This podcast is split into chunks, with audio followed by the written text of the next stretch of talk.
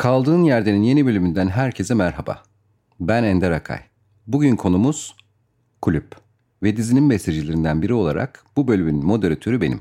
Şarkılardan birinin yaratıcısı sevgili Kenan Doğulu ve o şarkıları seslendiren Selim Songül rolündeki performansıyla Salih Bademci.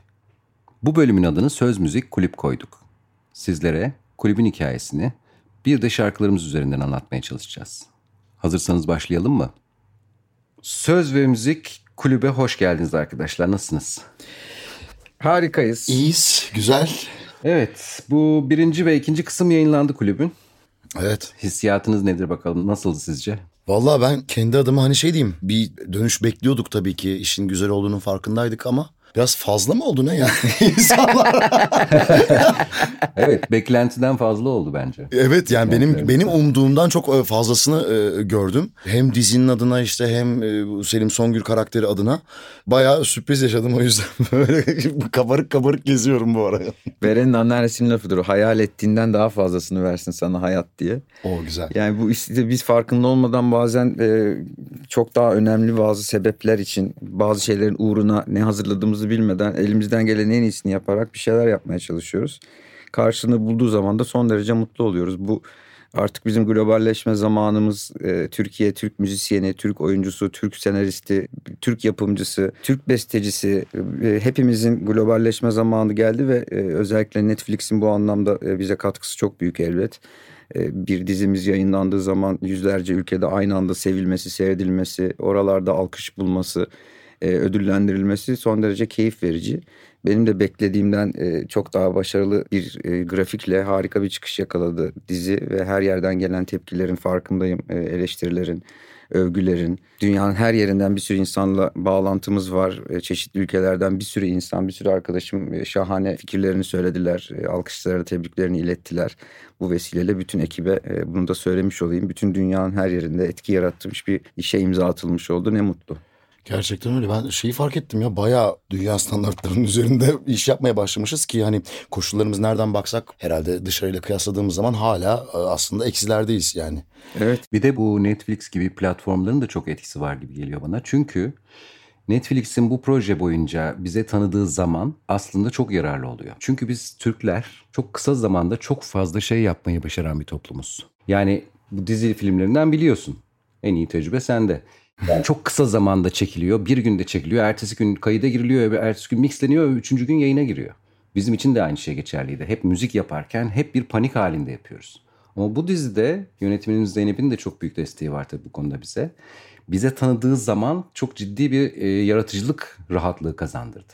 Bence bu her alanda yani yapımın her aşamasında kazandırdı diye düşünüyorum. Ne dersin?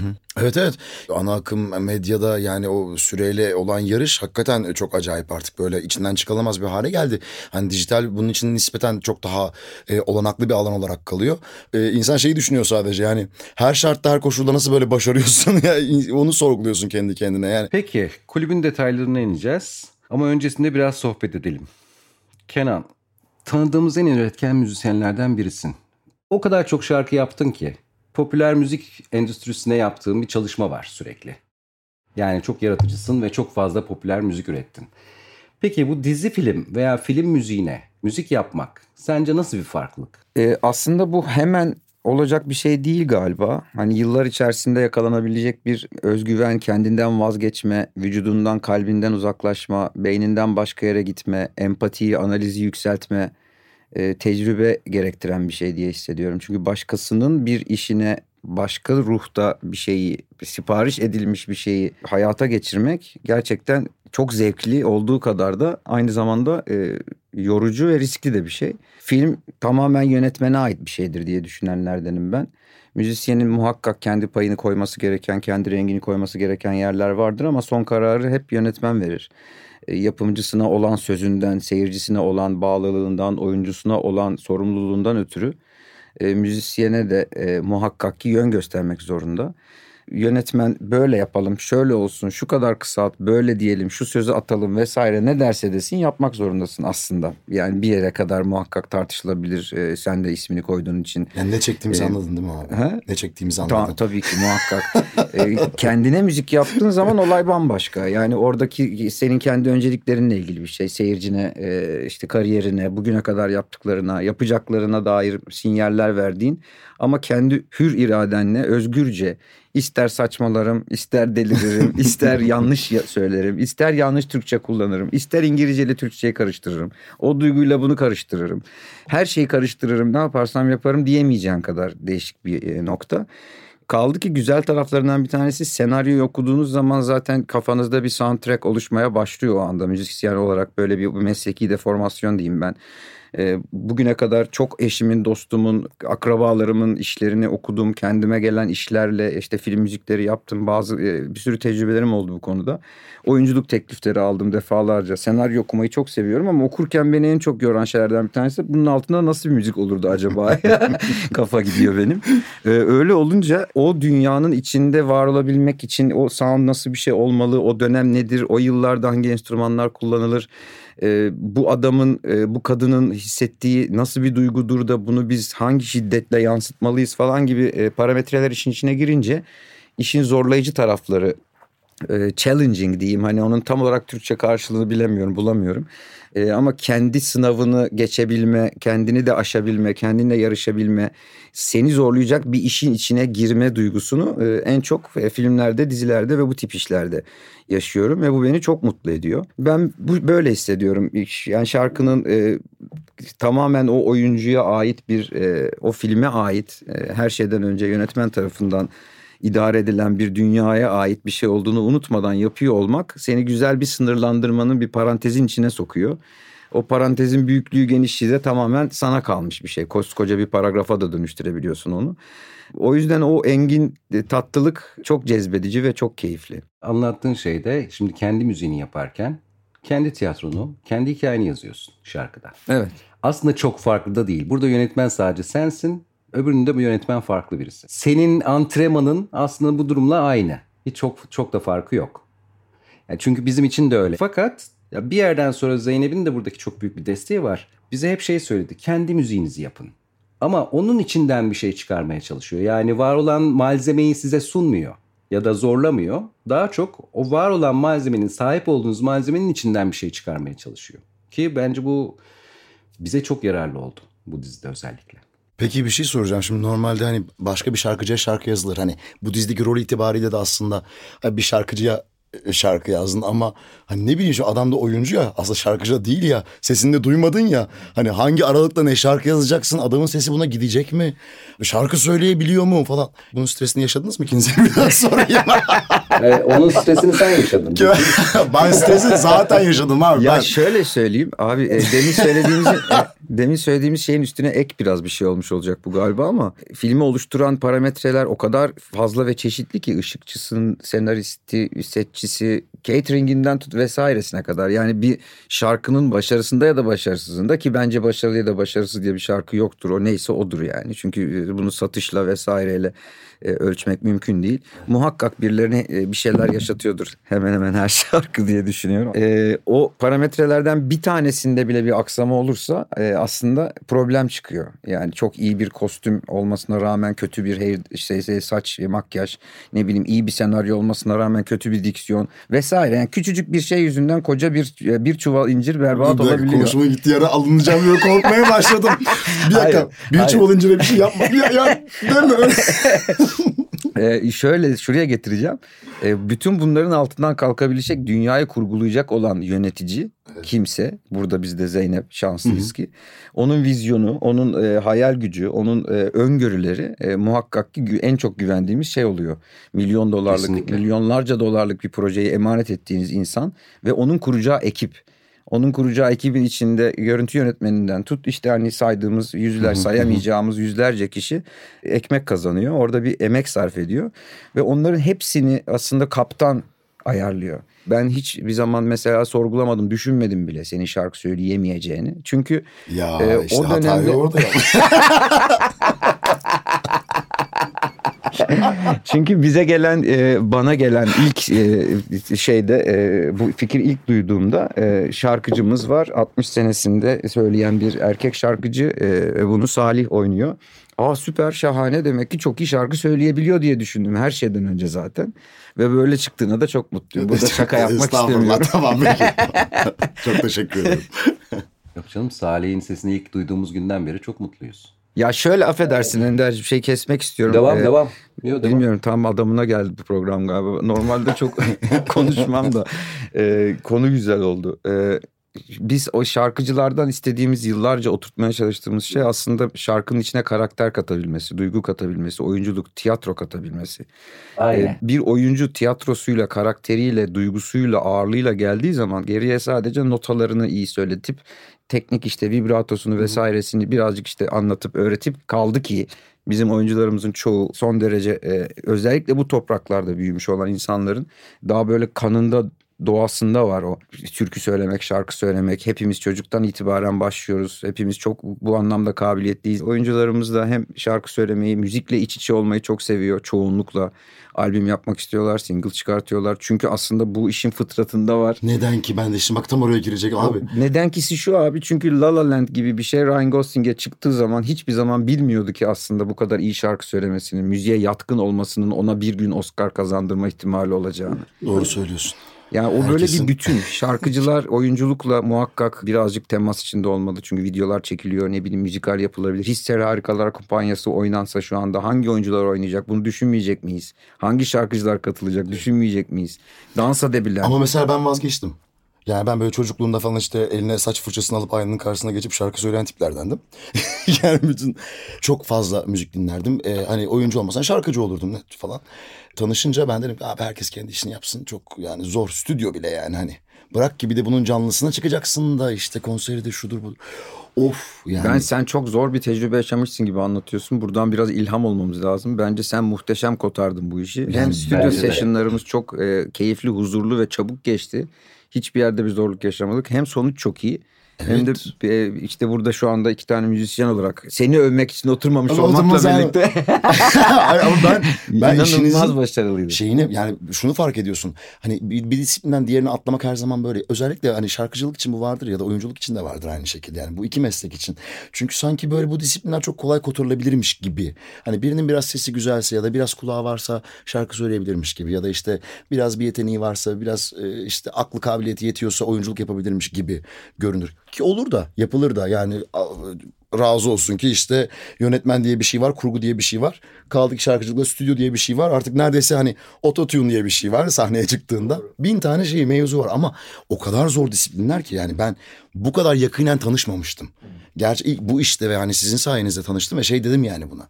Aa çok zor. Hakikaten çok zor. Ama işte o çok zor dediğimiz şey demin gene bu- bulamadım challenging kelimesinin karşısına gireyim. Hani iyi bir boksörü de oynamak, iyi bir oyuncuyu, iyi bir baleti oynamak, e, iyi bir şarkıcıyı oynamak, iyi bir mimarı, iyi bir doktoru oynayabilmek senin aslında yelpazenin e, yapraklarından bir tanesi muhakkak. Hiçbirisinde dünyanın en iyi şarkıcısı olman lazım. Dünyanın en iyi olman e, gerekmiyor. operasyonunu senin yapan bir doktor olman gerekmiyor falan ama öyleymiş gibi hissettirebilme yeteneği zaten özel. özel.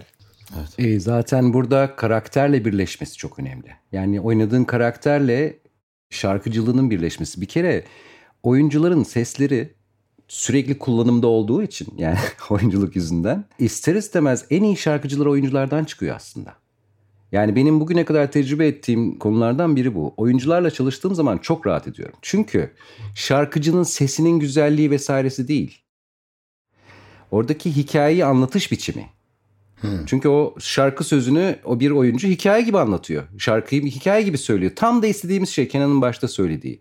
Yani bizim şarkıcılardan alamadığımız şeyi oyuncular bize çok iyi veriyor. Şöyle de bir tarafı var. Ee, vücut yani jestlerin iyi kullanılması e, durumu. Aynen. Seyrettiğin şeyi algılayarak sen çünkü sürekli bir recorder e, halde. Çocukluğundan itibaren ona bak buna bak. Zeki Müren'i seyret, Ajda Pekkan'ı seyret, Barış Manço'yu seyret, Cem Karaca'yı seyret. Ondan bir şey, bundan bir şey. Kayahan'ı seyret, oturarak gitar çalar. O vizyon, senin kafandaki bütün o e, görsel hafıza aslında senin yaratacağın karakterin mutlaka küçük birer parçası oluyor. Şimdi kulüpte. Şimdi sen bu dizide e, ciddi müzikal bir karakteri canlandırıyorsun. Performansın da öyle. Kulüp öncesinde yer aldığın projelerde rollerinle kıyaslarsak aslında oyunculuk bağlamında deneyimlediğin farklılıklar. Bu senin için bir ilkti sanırım. Ben ben sahneye de çıkan biriyim işte tiyatro e, e, şeyim de yani işini de e, hiç bırakmadan devam ediyorum konservatuvardan mezun olduğum zamandan beri. Sahneye çıkan biriyim ama sahneye çıkan birini oynama şansını yakalayamamıştım daha önce. Hani o, o anlamda çok e, keyifli oldu bir kere. Hani biraz böyle e, kendi heyecanını tecrübe etmek gibi bir şeyi oldu. Yani nasıl diyeyim şansım oldu. Ve hani bence birinci artısı buydu. İkincisi zaten çok renkli bir karakterdi. Yazım olarak böyle kendi hırsları olan, kendi böyle hayallerinin peşinde inatla koşan bir adamdı. Ee, böyle müzikal yeteneği ne işte böyle nasıl diyeyim kendi kendine hayran olan bir adamdı zaten birincisi. Biraz böyle megaloman bir evet, adamdı da. Ee, o yüzden hani bunları oynamak diğer rollerime kıyasla benim için çok daha ekstrem, çok daha orijinaldi. Ee, çalışması da öyleydi. İşte 1950'lerde olmamız mesela 1950'lerde böyle işte yenilik getiren bir e, karakter olması işte müziğe e, ya da sahneye. E, keza işte o dönem o dönemin Türkiye'si böyle işte o 2. Dünya Savaşı'ndan çıkmış bir dünya ve aynı zamanda Türkiye yeni bir eğlence e, anlayışına sahip olmaya çalışıyor. İnsanlar yeniden ayaklanıyorlar. Her şey böyle bir başlangıç noktasında aslında. İşte Türkiye'nin bu e, Amerikalılaşma şeyi, batılılaşma e, hevesi ve onun işte peşinde koşması e, bu herkes tabii ki çok etkilemiş o dönemde. Bir sürü de karakter var o, o dönemde inceleyebileceğimiz yani e, şarkıcı ya da ne bileyim işte e, ressam falan. O adamları böyle incelemek, onlara bakmak, onlardan böyle motifler bulmak, bu karaktere katmak. Bunların hepsi böyle çok güzeldi yani. Benim için çok nasıl diyeyim eğlenceli, çok farklıydı. Peki Kenan senin bu kulüp dizisiyle yolun nasıl kesişti? Genel olarak. Ee, beni Zeynep aradı. Bir tane şarkı e, gerekiyor. Şarkımız, şarkıcımız 1950'lerde yaşayan e, Beyoğlu'nda bir e, işte lokalde şarkı söyleyen star olma yolundaki e, bir e, artist, artistik ve işte yenilikçi bir karakterin şarkısını oluşturmanı istiyorum diye Zeynep aradı. E, benim daha önce Unutursan Fısılda da yaşadığım bir e, tecrübeydi bir benzerini. E, orada 70'lerdeki bir kadın şarkıcısının diskografisini yazmamı istemişti Çağındırmak benden. Güzel, başarılı da bir işti. Hatta e, işte 2-3 gün önce bu podcast'i yapacağız diye e, biraz araştırma yapmak istemiştim. E, 10 tane işte etkileyici Türk filmi müziği falan diye. Orada e, Unutursan Fısılda'yı görmek beni çok memnun etmişti son zamanlarda. E, o günden e, o zamanlardan kalma içimde küçük bir iştah küçük bir heyecan e, yine bir gün öyle bir şey olsa keşke diye düşündüğüm bir e, içgüdü vardı. O yüzden sorgulamadım. Hani nasıldır, ne yapacağız, ne edeceğiz, nasıl çıkacak, kim yapıyor, yapımcı kimdir, şudur, budur vesaire falan sorulması gereken soruların hepsini Üçüncü toplantıda sordum. e, ilk toplantıda tek panik panik olduğum şey şuydu. E, Zeynep Perşembe günü aradı. E, ama tabii canım benim işte ne zaman dedim hani ne zamana yetiştirmek lazım. Pazartesi biz kayda giriyoruz dedi. O biraz beni korkuttu. Demin senin söylediğin şeyin tersine. zamanım benim benim kendi zamanım çok azdı açıkçası. E, ama bu işlerde nasıl biliyorsun yani her an e, bir dakika içerisinde hiç beklemediğin hayatını etki edebilecek e, hatta insanların hayatını değiştirebilecek e, hit şarkılar çıkabiliyor. E, bazı zamanlar e, hiç beklenmedik anda e, beklenmedik yerde ormanda tuvalette gemide takside e, bir melodi gelebiliyor insanın aklına. Hemen o gece kayıtlarını gerçekleştirdik son derece hızlı bir şekilde. Hemen Zeynep'e attım. Zeynep e, çok yükseldiğini, çok sevdiğini söyledi. Tam çünkü istediğimiz e, şekilde istediğimiz döneme hitap eden bir şey olduğunu inanıyoruz dediler. Ben de e, bu durumdan çok mutlu oldum. Bir üzerine geliştirmeler, güzelleştirmeler yapmak istedim. O yüzden şarkının içinde birazcık caz hani işte o zamanlar 1950'ler, 60'lar, 70'lerde e, Türkiye'nin e, etkisi altında kaldığı Louis Armstrong'lar işte o dönem kimler, Nat King Cole'lar vesaire işte belki Nina Simone'ler, e, Ray Charles'lar falan geçti aklımdan. E, o zaman dedim bu şarkı e, Türkçe pop gibi sözleri olan o zaman o dönem çünkü işte tekrar eden bim bam bom gibi tik tak tum falan bu tip şeyler sözler vardı. Hep oradan yola çıkarak bir söz mantığı oluşturulabilir diye düşündüm.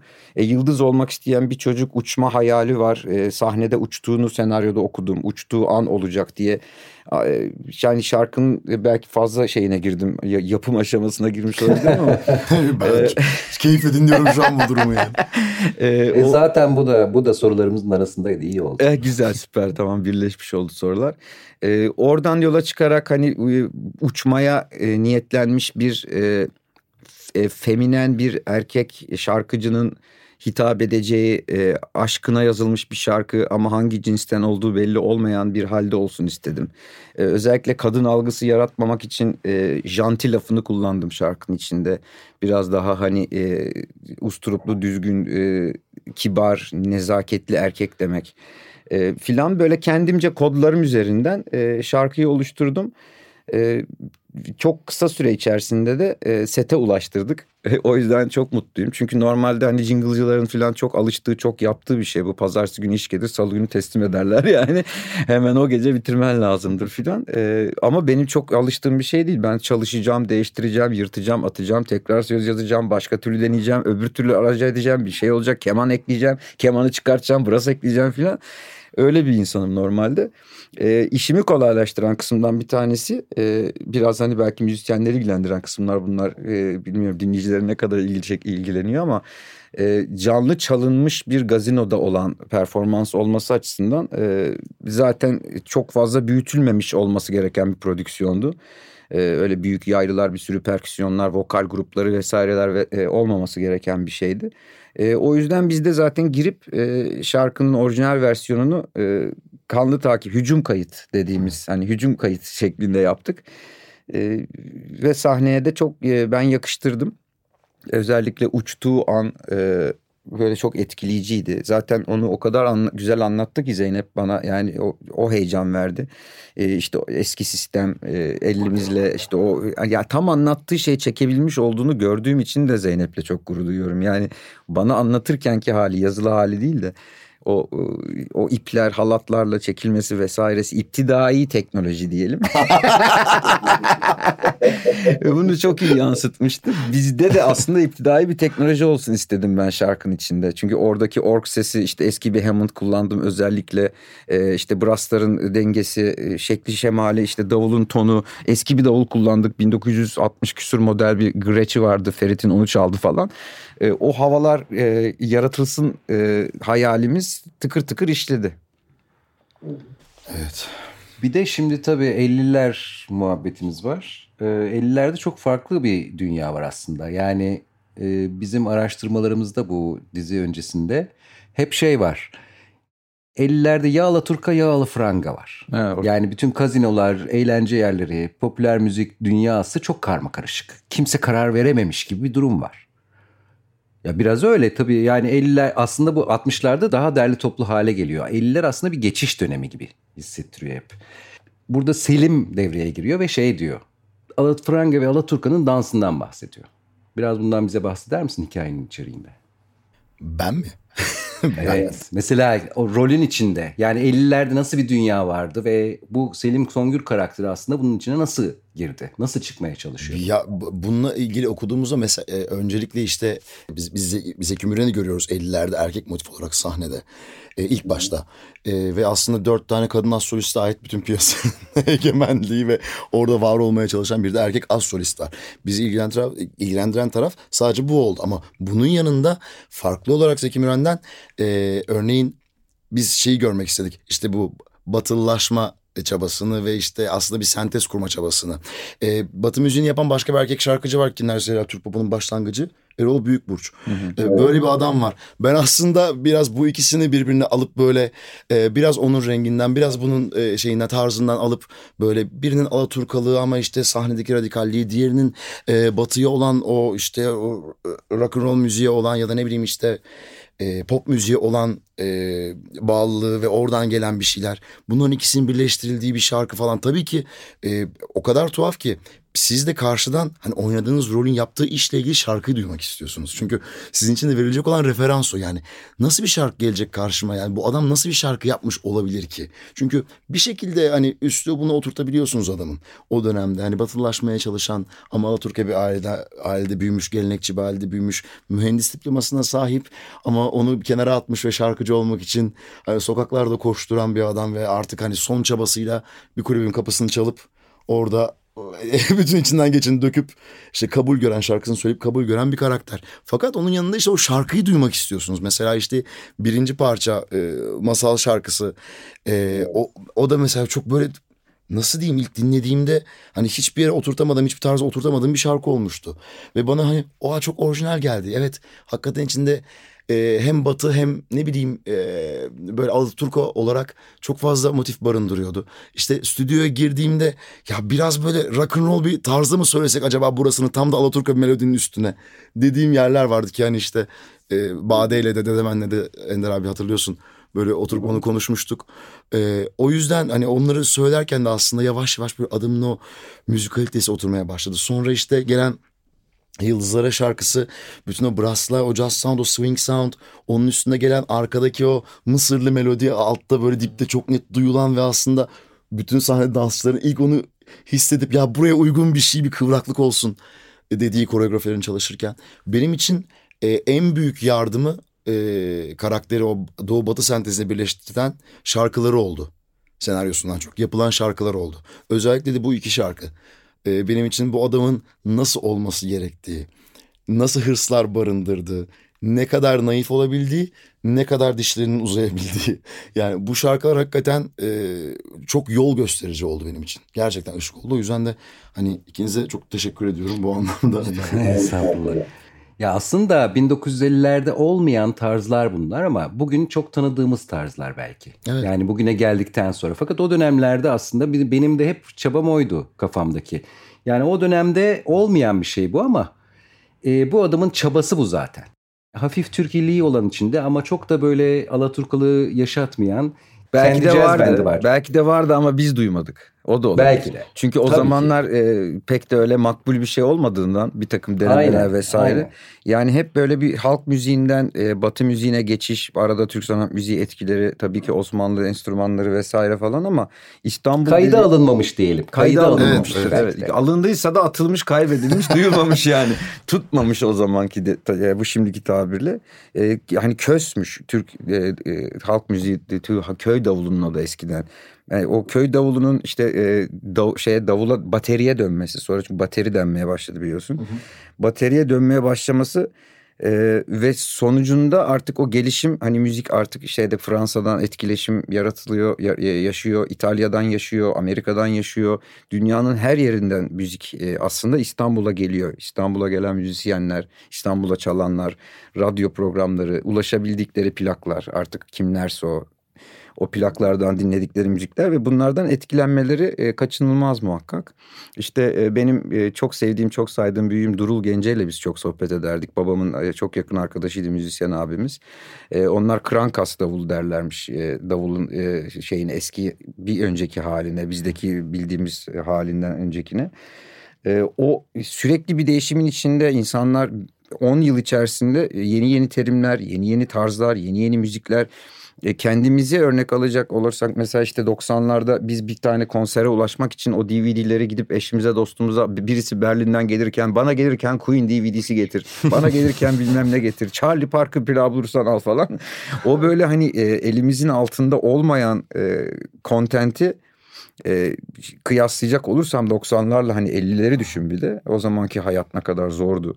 Yani e, o gramofona sahip olmak da çok zordu. O gramofon üzerinde çalacağın şeyi bulmak da çok zordu. Radyoda konser gelmek de o çok zordu. O yüzden artistlerin, müzisyenlerin e, hayal gücü e, gördükleri örneklerle e, ya çok daha genişti ya da biraz daha sınırlıydı. Galiba daha genişti. Çünkü bir, bize şimdi tabii okumamız için o döneme ait işte kitaplar araştırılıp verildi falan.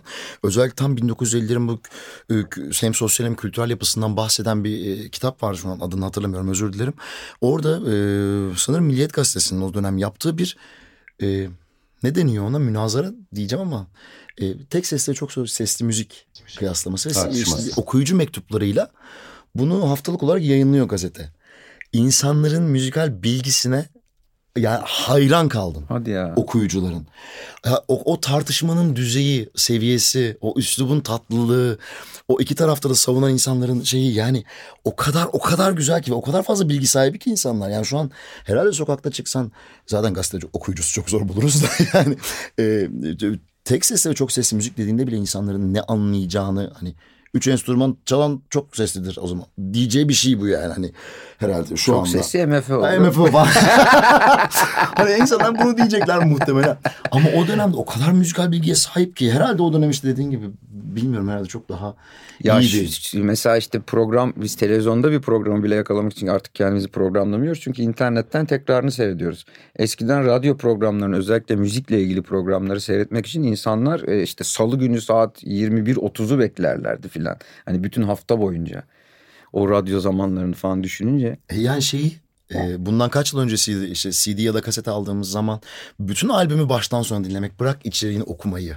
O yazıları okumayı ne Artık bileyim. o 4D şeyine geçmişti hatta. Ee, işte geri dönüşümlü Dö- kağıtla kullandığın zaman mesela artistle ilgili bir fikrin oluyordu. Aynen öyle. Yani biraz daha natür bir insan işte bu. Kuşa kağıda basmamış çünkü onu geri dönüşümlü kağıda basmış. kovalıyor. Ona basmış bak parlak değil de. Tabii şurada- şey hatta Sezen Aksu'nun Deli Veren albümü değil mi? Öyle çıkmıştı şeyi. neler öyleydi. neler oldu yani. Ve onu Şey, okumak- fidan hediye edenler falan vardı eskiden. Abi, ya, albüm baştan sona dinlemek vardı. Çünkü bir şarkıcıyı bir şarkıyla anlayamazsın ya. Yani oturuyorsun ve sana kendini anlatıyor. Özellikle ilk albümünde. Yani oturup sana kendini anlatıyor ve sen şu anda bir şarkıya sığdırmaya çalışıyorsun bir kişiyi. Yani dijital şeyi ne denir? Hani yermek için söylemiyorum ama Yok artık albümdeki şarkı sırasını bile önemsemeye başladı insanlar. Normalde en önemli şeydi bizim için. İlk şarkı ne olsun, son şarkı ne olsun. Evet evet. e, aynen yani. Giriş, böyle- gelişme, sonuç nasıl olacak? Ne anlatmaya çalışıyoruz? En son bırakacağımız tat, Tat nedir ne olacak? vesaire Ya. falan. Şimdi hep işte şeye basılıyor shuffle'a. Oradan istediğin gibi e, bilgisayar algoritma kendi karıştırıyor şarkıları. E, doğal olarak asla karşındaki e, müzisyenin e, ne demek istediğini de anlamıyorsun. Çünkü artık dinlenin albüm yok. Olsa bile belki hani şarkılar işte o duyguyu e, sosyal medyayla çözmeye çalışıyorlar çalışıyorlar? insanlar. Sosyal medyaya da çok fazla riayet göster riayet etmeyen artistler de maalesef birazcık kendilerini anlatmakta e, aradaki samimiyeti kurmakta güçlük çekiyor. Evet. Neyse başka bir Enteresan. Enteresan ama güzel. Tekrar konumuza dönelim o zaman. Şimdi dizide Selim bu şarkıları kendisi yazıyor. Yani bir hikaye anlatmaya çalışıyor. Bu masal parçasında da sözleri Sezen Aksu ve Sibel Algın'a ait. Hı hı. Masal parçasında da sözlerde e, bir hikaye var. Yani Selim'in çabası, gördüğümüz çabası dizide sürekli kendi hikayesini sözleriyle, şarkı sözleriyle anlatmaya çalışması. Kenan'ın anlattığı gibi baştan sona yazdığı hikayede. Bu parça için sence ne anlatmaya çalışıyor Selim sahnede? Bize bunu anlat bakalım biraz. Ee, şarkının sözlerini geçiriyorum şu an aklımdan tekrardan. Ee, Yani bu şarkıyı yapma nedeni neydi mesela? Yani bence e, Selim'in en büyük e, hedefi insanları işte kendi masalına davet etmek yani. Mesela bu şarkının e, Selim'e kattığı yer. E, Selim'in anlatmak istediği masal var ve bunu insanların dinlemesini istiyor. E, o büyülü dünyaya insanın insanları sokmak istiyor. E, o zamana kadar işte şahit oldukları o e, sahneden ya da performanslardan onları uzaklaştırmak, onlara yenilikçi bir şey yapmak istiyor. Yeni bir şey koymak istiyor. Yine sevecekleri, yine kendinden ait e, parçalar bulacakları ama daha yenilikçi işler ortaya koymak istiyor örneğin. E, o yüzden de hani e, yani Selim tabii şu an şarkı sözleri önüme gelince bir anda çok daha fazlası da var bunda ama temel amacı o kendine göre de e, şeyler anlatmak istiyor. E, ne bileyim işte kimimiz gökkuşağından derken mesela e, ya da kimisinin doğuştan yasak olduğunu söylerken e, Selim'in vermek istediği de çok fazla mesaj var. Kendi yaşadığı zorluklara ve mücadeleye ait. Toplumsal renklilik Aynen öyle. mesela. Aynen öyle. Peki çok önemli bir lafı daha var. Onları öldürmek istiyor ölümü. Evet. Müthiş. Yani şimdi bu muhteşem bir laf. Bunun altında mesela sen ne düşündün? Sonsuza kalmak. Aynen. Sonsuza Sonsuza- kalmak. Yaptığı işte hatırlanmak. Hı hı. Yani kesinlikle bu Selim'in istediği bu insanların aklında bir çentik atmak ve ondan sonra da hatırlanmak. Çünkü zaten aslında herhalde sanat yapan her insanın ya da ne bileyim yani temel amacı budur ya. Bir şekilde sonsuzluğa kavuşmak yani. Ölümsüzlüğü burada arıyorlar. Aynen. Pekala. Şimdi e, dizide çok e, ilginç şekilde böyle izleyicinin ilgisini çeken parçalar da oldu. E, ne bileyim işte Yo, Yo Ereninya. Küçük bir kız idim ben adlı parça. E, bir safarat parçası. Çok eski. Ezgilerden biri. İşte zamanında Isaac Levy tarafından yıllar önce derlenmiş falan. E, ve Ladino. Aslında hiç Türkiye'nin, Türk'te de bir sürü insanın tanımadığı, bilmediği bir dünya. Bir neslin Ladino ile tanıştıran bir şarkı oldu bence. Siz ne dersiniz? Ya şey e, kuşaklar arasında bir bağ kurma özelliği taşıyor olması zaten bu Evet. e, işin alameti farikalarından bir tanesi. E, böylesine e, içli bir konuyu e, böylesine e, renkli ve e, yüksek kalitede anlatabilmek e, ve üstüne bir de bunun uygunluğu tartışılmayacak e, müziklerle döşenmiş olması e, yeni neslin e, eski tasalarla birleşmesine sebep oluyor. E, Ladino müziği de e, ben şimdi artık bu şarkıyı çok sevdim. Bu tarzda müzikler dinlemeye devam ederim. E, diyecek olan genç sayısı kaç tanedir bilmiyorum ama en azından onların dikkatini çekmiş. Onların e, eski e, kültürlerdeki eski e, bestecilerin eski müziklerini ne olan ilgisini arttırmış. Birçok insana ilham vermiş. Bu konunun üzerine eğilmeye değer, bu konunun e, içine girmeye hasret bir hale dönüştürmüş olabilir. E, ben öyle umuyorum. Öyledir de, diye tahmin ediyorum. E, bu açıdan seni tebrik ediyorum açıkçası. Umarım e, çocuklar bunu, e, gençler özellikle e, fark edip yakalayıp e, işlerine de uygulayacaklardır. Daha fazla didikleyip inceleyeceklerdir de. Demin dediğimiz şeyin tam tersi şimdi artık araştırma çağı, öğrenme çağı, ulaşım, e, informasyon çağı. E, Her yerden her e, örneği dinleyebildiğimiz insanların emekleriyle, e, tecrübeleriyle beslemeye devam ettiği bir dünyanın içindeyiz. E, O yüzden e, çok kıymetli buluyorum o şarkı seçimini özellikle. Konu olarak da dizinin konusu olarak da bir sürü seferat Yahudisi ve aynı zamanda gayrimüslim ya böyle ya telefonuma ulaşıp ya yolda çevirip o kadar fazla teşekkür ettiler ki bu konu üzerine eğildiği için. ilk defa e, işte seferat Yahudilerini konu alan e, böyle bir e, iş yapıldığı için işte Ladino e, belki birçok insan tarafından ki benim için öyleydi hani İbranice'yi biliyordum ama yani Ladino'yu duymamıştım. Böyle bir dil konuşulduğunu bilmiyordum. Ben de açıkçası birkaç tane şarkı biliyordum ama böyle dakikalarca dinleyebileceğimi tahmin etmiyordum. YouTube'da bile yani YouTube artık her şeyi sağ olsun bize ulaştırıyor. Ee, sadece YouTube'dan Ladino girdiğim zaman böyle bir saat 20 dakika falan müzik dinledim. Dinlemeye de doyamadım yani o kadar da hoşuma gitti. Ee, çok güzel bir şey oldu yani o açıdan insanların e, kıymetli tarafına dokunmuş oldu. Ee, dünyanın her yerindeki insanların o şarkı yani zaten projenin globalleşmesinin global başarı yakalamasının en önemli sebeplerinden bir tanesi. Evet.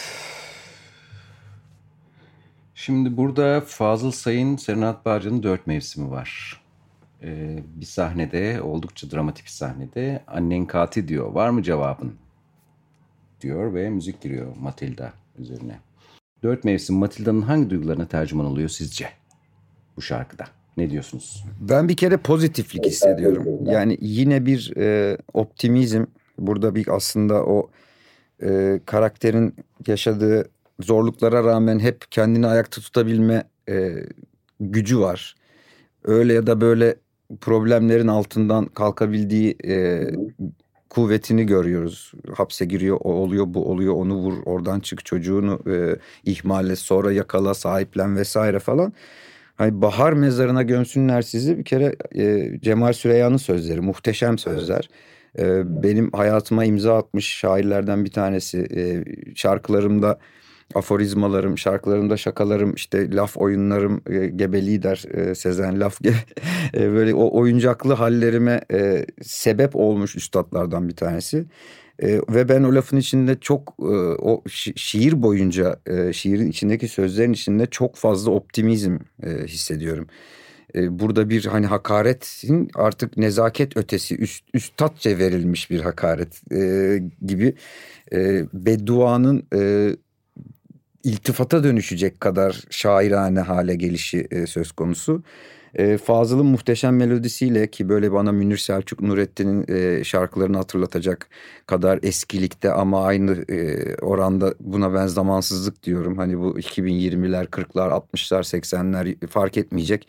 E, öylesine bir melodi yapısıyla e, Batı müziğiyle Türk müziğini birleştirme açısından özellikle bu filmde, bu dizide, bu projede e, bizim kovaladığımız, sevdiğimiz insanların istediği ki benim kendi müziğimde de e, bu e, son derece aşikardır. Yani yaparım bilirsin kemanlarıyla, darbukasıyla falan e, çıkmış ilk şarkım 92 senesinde bestelediğimiz şarkı.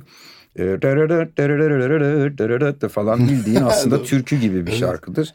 Türk sanat müziği gibi de bir şarkıdır falan ama altyapısı funk'tır gibidir. Hani bas bas gitarı, gürolar, bahçeler falan muhteşem bir bas rifi falan olan bir şey. Ve benim kovaladığım, bildiğim, istediğim ne bileyim Kurşun Ades Sormazki diye bir şarkım vardır. Orada klasik piyano introsuyla başlar ama darbukalar, kemanlar girer içine filan. Kendi müzik tarzımla çok bağdaştırdığım, çok örtüştürdüğüm e, muhteşem de bir şarkı. İlk duyduğumda da çok etkilenmiştim. Dizide de duyunca hem yerini çok yakıştırdım. Ee, bestesini tartışmak zaten e, anlamsız harika bir beste. E, Serenat da çok güzel söylemiş sağ olsun. Filme de diziye de projeye de çok şey kattı. Çok güzel. Hep bana e, sahneyle beraber dinlediğim zaman bana şeyi e, çağrıştırmıştı ilk. Böyle kaderciliğe övgü falan gibi. Çünkü aslında kadercilik bize böyle teslimiyet olarak anlaşılır ya yani. Kaderde varsa işte dediğin şey. Ama tam tersi gerçekten bence e, burada kaderciliğe teslimiyetten çok aslında kaderciliğe karşı bir direniş var ve tam olarak o sahnenin bence planı da öyle kurgulanmış. O yüzden e, şarkı asla e, sahneyle beraber zaten kendi içinde de yok. Bir teslimiyet içermiyor. E, gerçekten hiç pesimist bir yerden de bakmıyor. Öyle bak. Hep optimist bir yerden bakıyor ve çok çok yakıştırdım bak, ben. Bak burada ben önümde açık e, bahar mezarına gömsünler sizi. Yapraklar gibi buluştunuz mu? E, kokular gibi seviştinizdi. Ha, pardon buluştunuzdu. Kokular gibi seviştinizdi. Bahar mezarına gömsünler sizi filan. Yani bu inanılmaz bir laf. Bahar mezarına gömsünler. Mezar kelimesinin geçtiği bu kadar optimist bir şey. Bahar mezarı. Ve son bölümde e, Zülfü abinin parçası. Ne dersiniz? Nasıl ne düşünüyorsunuz? Evet o da güzel çok etkileyici. Özellikle o sahnede yarattığı etki muhteşem oldu. Ee, Zülfü abinin kuşaklar arası, e, ülkeler arası yarattığı etki özellikle Yunanistan-Türkiye ilişkileri. Yasaklı Aynen. dönemde adadan yazdığı hatta işte o zaman e, kendi hikayelerinde kendi anılarını anlattığı bir e, yazısında Türkiye'nin ışıklarını, köyümün, evimin, insanlarımın ışıklarını gördüğüm yerden ülkeye yazdığım bir şarkı diye bahsettiği bu şarkı e, hem onun için çok önemli. E, bu projede yer almasına izin verdiği için de e, şanslıyız. E, ve bütün e, Yunan e, dinleyicileri de e, Zülfü abinin beraber iş yaptığı, e, ortak çalıştığı müzisyen arkadaşlarıyla yarattığı büyük hitlerle e, kazandığı gönüllerle e, Türkiye ve Yunanistan arasında büyük bir e, iyi niyet elçisi, bir barış e, ele, e, karakteri olduğu ve bu anlamda yaptığı çalışmalardan ötürü de hepimizin minnettar olduğu çok büyük bir üstad. Kesinlikle. Ee, istiyordum. Her şey gibi, evet. Parçanın girdiği yer de o kadar doğru ve güzel bir yerde oldu ki Üf. onun etkisi beni acayip etkiledi o sahne. Evet zamanında yasak olmuş olan bir şarkının bugün aslında Aynen. bir e, çağdaş sanat eseri diyebileceğimiz bir e, kalitede bir dizini içinde e, yer alması bizim için bir anlamda bir e, itibarı geri vermek kıymetinde Aynen. de bence. Kesinlikle katılıyorum. Çok başarılıydı evet. İyi oldu bunu hatırlamamız. Şimdi şöyle yapalım. Ee, şimdi burada yine nişanda Selim'in söylediği, e, Cem Ergünoğlu'nun düzenlediği Seni Düşünürken var. Aslında ona gelmek istiyorum ben daha çok. Hmm. Neden? Çünkü e, ilk defa burada karakterimiz e, Alaturka bir şey söylüyor. Yani bir geçiş yapıyor Alaturka'ya. Mesela bir anlamı var burada Selim için bu parçanın da. Evet. Ee, o şarkının bende anısı çok güzel değil o yüzden. ya Öyle ben, mi? ben şimdi şarkıda tango yapmamız istendi. Ee, seçilen şarkı da yani böyle ritmi çok değişken. Hani Evet o dönemlerde deneysel tangolardan biri anladım. Biri ve biz e, tabii ki hani koreografla kaldık yani bu şarkıyı söyledik ve biz dans etmemiz gerekiyor ve hani Latin bile var değil mi onun içinde ben yanlış hatırlamıyorum. E, ve na, ne yapacağız diye böyle kaldık ve ben şarkıyı da zaten çok eski bir kayıt. Böyle bir anda hani tabii haddim olmadan ne olur yanlış anlaşılmasın. Isınamadım. Bittim yani. Asla ezberleyemiyorum. Hadi ya. Aklımda ne söz Çok kalıyor iyi. ne melodi. Yok yani şarkıyı duyduğum zaman eşlik edebiliyorum. Ama şarkıyı kapatıyorlar, altyapıyı koyuyoruz. Asla üstüne söyleyemiyorum şarkıyı. Stüdyodayız. Cem sağ olsun. Bütün yani Olur bazen öyle. çile çektirdim yani. Buradan tekrardan hem Bade'ye hem Cem'e çok teşekkür ederim. Tüm emekleri için. Dedim ki Cem ne yapacağız? Ee, dedi ki şarkıyı kulaklığa vereyim ben sana dedi. Üstüne söyle dedi. Ve ben şarkıyı girdim. Ee, beğenmezlerse dedim artık tekrardan gelir söylerim. Ama dedim yapamayacağım yani yok çıkmıyor şarkı. Şarkıyı kulaklıktan verdim. Ben de üstüne söyledim. Hatta böyle o kadar sinir oldum ki söylerken vokale falan. Çünkü bu eski şey vokaller var diyor tangocular hı hı falan diye. Bir yerde falan da böyle adamın gıcığını azıcık böyle taklit ettim. Hani o şeye üstüme böyle bir sinir oldum. O kadar sinirliyim aslında kavgam kendimle de stüdyoda. Ee, ve şarkıyı kaydettik çıktı bu kadar falan diye böyle. Ha. Bıraktım. Sonra Mikrofonu şarkı- yere bıraksaydın. Çal. Mikrofonu yere bıraktım. Attım böyle. Bu kadar oluyor dedim. Yapacağım bir şey yok. Ben şarkıcı değilim. Hemen onun arkasına sığındım. orası var. En- ben en şarkıcı değilim dedim. Çıktım. Ee, iki gün sonra James sağ olsun tabii şarkıyı güzelce toplamış. Toparladı. Toparlamış. Ee, Zeynep Hoca aradı. Böyle dedi Zeynep. Salih o kadar beğendim ki yorumunu. Ay, evet. aynen. Ya dedim. Allah kahretsin ya. Bu meslek asla benlik değil. asla. Ya da tam senlik. Ya da Ha, ya da ya da ben sinir harbi olarak değil mi? İyi parça kaydet kaydedebilmek öyle değil için. ama ya öyle değil. Şimdi sen orada şimdi sahnede şimdi sahnede nasıl kamera karşısında ne çekiyorsan stüdyoda aynı şey aslında. Hiç farkı yok. Karşıda bir yönetmen oturuyor. Yani o işi yapan adam. Yani ve sen oyununu oynuyorsun. Hiçbir farkı yok sembolik olarak. Yani zorluk olarak da bir farkı yok bence. Burada sen tabii kendi e, sesini kullanıyorsun, farklı bir formatta kullanıyorsun. Müzik dünyasını ayrı görüyorsun kendinden ama aslında konuştuğumuz melodiye bak. Yani Türk dilinde özellikle çok aşırı bir melodi var. Evet. Hepsi nota. Söylediğimiz her iniş çıkış vesaire tonlama bunu yansıtıyor. Şarkının da bundan bir farkı yok aslında. Yani o yüzden tam senlik bir iş bu. ya kendi kendi kaydedilmiş sesini ilk kez duyan insanın yaşadığı psikoloji düşün. Çok şaşırır. Ay benim sesim ne kötüymüş. De- Çünkü içeriden duyduğumuz o vibrat yani vibrasyonunu duyduğumuz, titreşimli duyduğumuz sesimizle dışarıdaki insanın duyduğu ses aslında farklı. Farklı. O düşüşler, çıkışlar, inişler aslında e, işin dinamiğini arttırıyor. iyiliğini, güzelliğini arttırıyor. E, ama sonunda en doğru yeri en güzel şekilde buluyor insan. Peki diğer şarkılara da bakalım. Diğer şarkımız Mert Koral'ın yazdığı şarkı. Benim aslında favori şarkılarımdan bir tanesi bu. Ben e, ilk duyduğum böyle bir tüylerim Radyo diken diken oldu.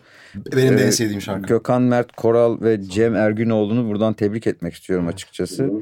Ve bana böyle kendi yaşadığım anları e, hatırlattı. E, çok fazlaca bir e, bağlantı kurabildim. E, hissettim şarkıyı.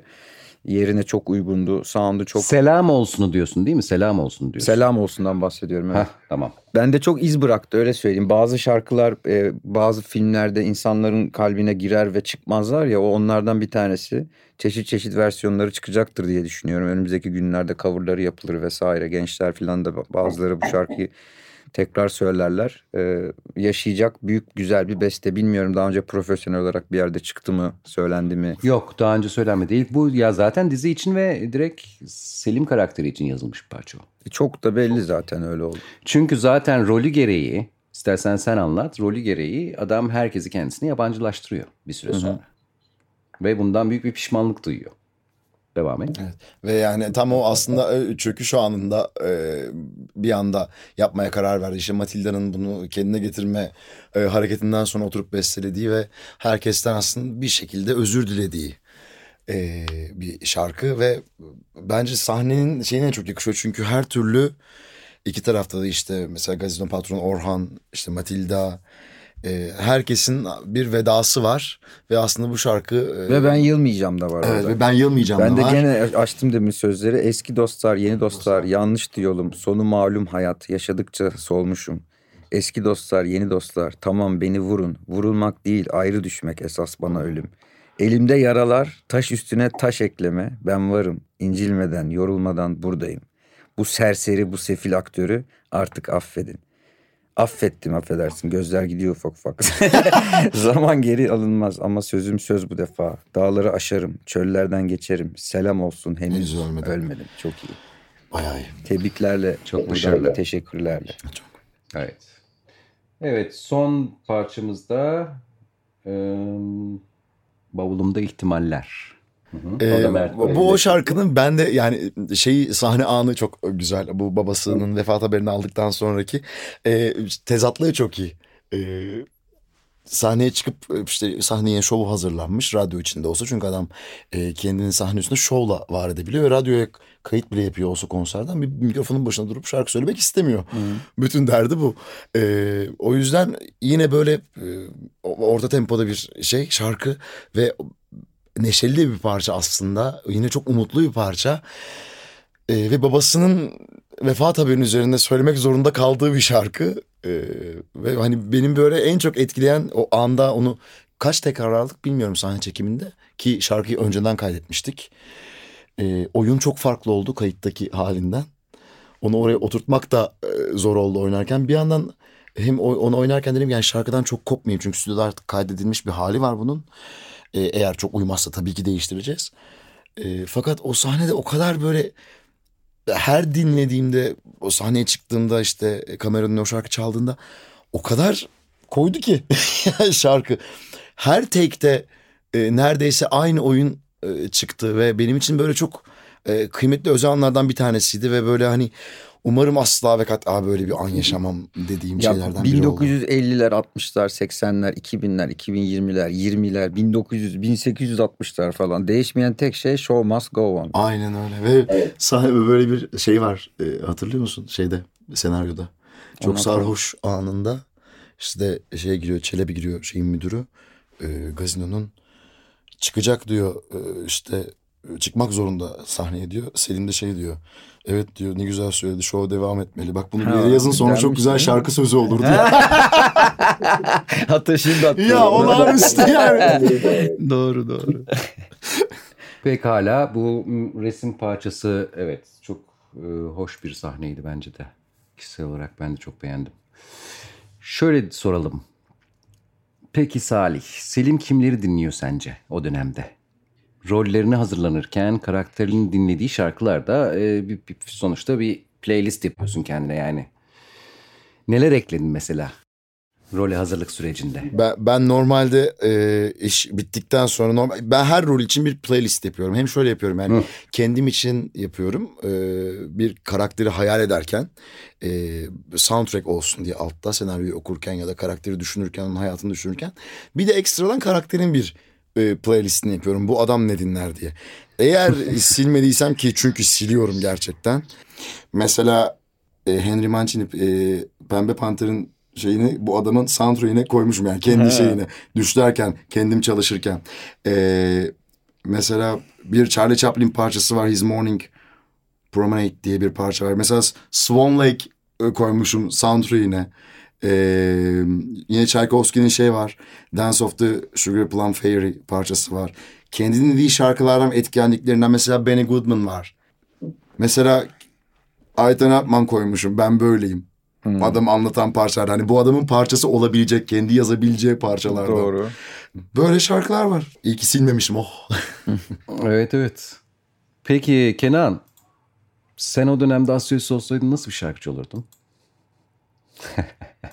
Ee, abi şöyle güzel soru. Taşı kendine. Çok isterdim bir kere her şeyden önce onu söyleyeyim. Yani çünkü e, daha özgür biraz daha manyak kostümler yapabilirdim herhalde diye düşünüyorum. E, sayılı adette e, kabiliyetli insan, dansçılar, artık ışıkçılar, setçiler, sahne görevlileri, müzisyenler e, bunların hepsi Türkiye'nin değişik yerlerinden İstanbul'a e, geliyorlardı. İstanbul'a geldiklerinde de buluştukları nokta Beyoğlu. Onun için bir şekilde o kreatifleri bir araya getirecek, o ekibi kurmak için elimden geleni yapardım. Ee, yine Avrupa ile ben de aslında Selim gibi e, bağlantı içinde olmak isterdim. Yani biraz kendimi görüyorum aslında ben Selim'de. Yani öyle bir şey olurdum ben de herhalde. Yapacağım şeyde de e, böyle jazz, blues, rock and roll e, arası bir şey olurdu ama yine içinde muhakkak bir Türk enstrümanı birkaç bir şey kanun, ud E bir şey zaten bugün de yani. yapıyorsun bunları. Evet bugün de Zaten yapıyorum. bugün de yapıyorsun. evet herhalde aynı şey yapardım. Aynı şeyin o günkü teknolojiyle olanı diye düşünüyorum. yani ona yeni bir çığır açamazdım. Hani klasik bir işte enstrümanlar ekleyelim, büyük keman grupları olsun ne bileyim. Çünkü teknoloji sınırlı, e, o zamanki şartlar belli Bence bir My Way çıkardı ya. Olabilirdi muhakkak. Yaylılarla falan. Evet, o da- Aslında yanlış. Aslında o zamanki teknoloji kısıtlı falan değil. O günkü teknolojiyi öyle biliyorlar. Onlar kendilerini kısıtlı görmüyor. Ellerindeki teknolojiyle yaşıyorlar. Ve yani bir orkestra olmadan müzik yapılmıyor. Öyle bir şey yok.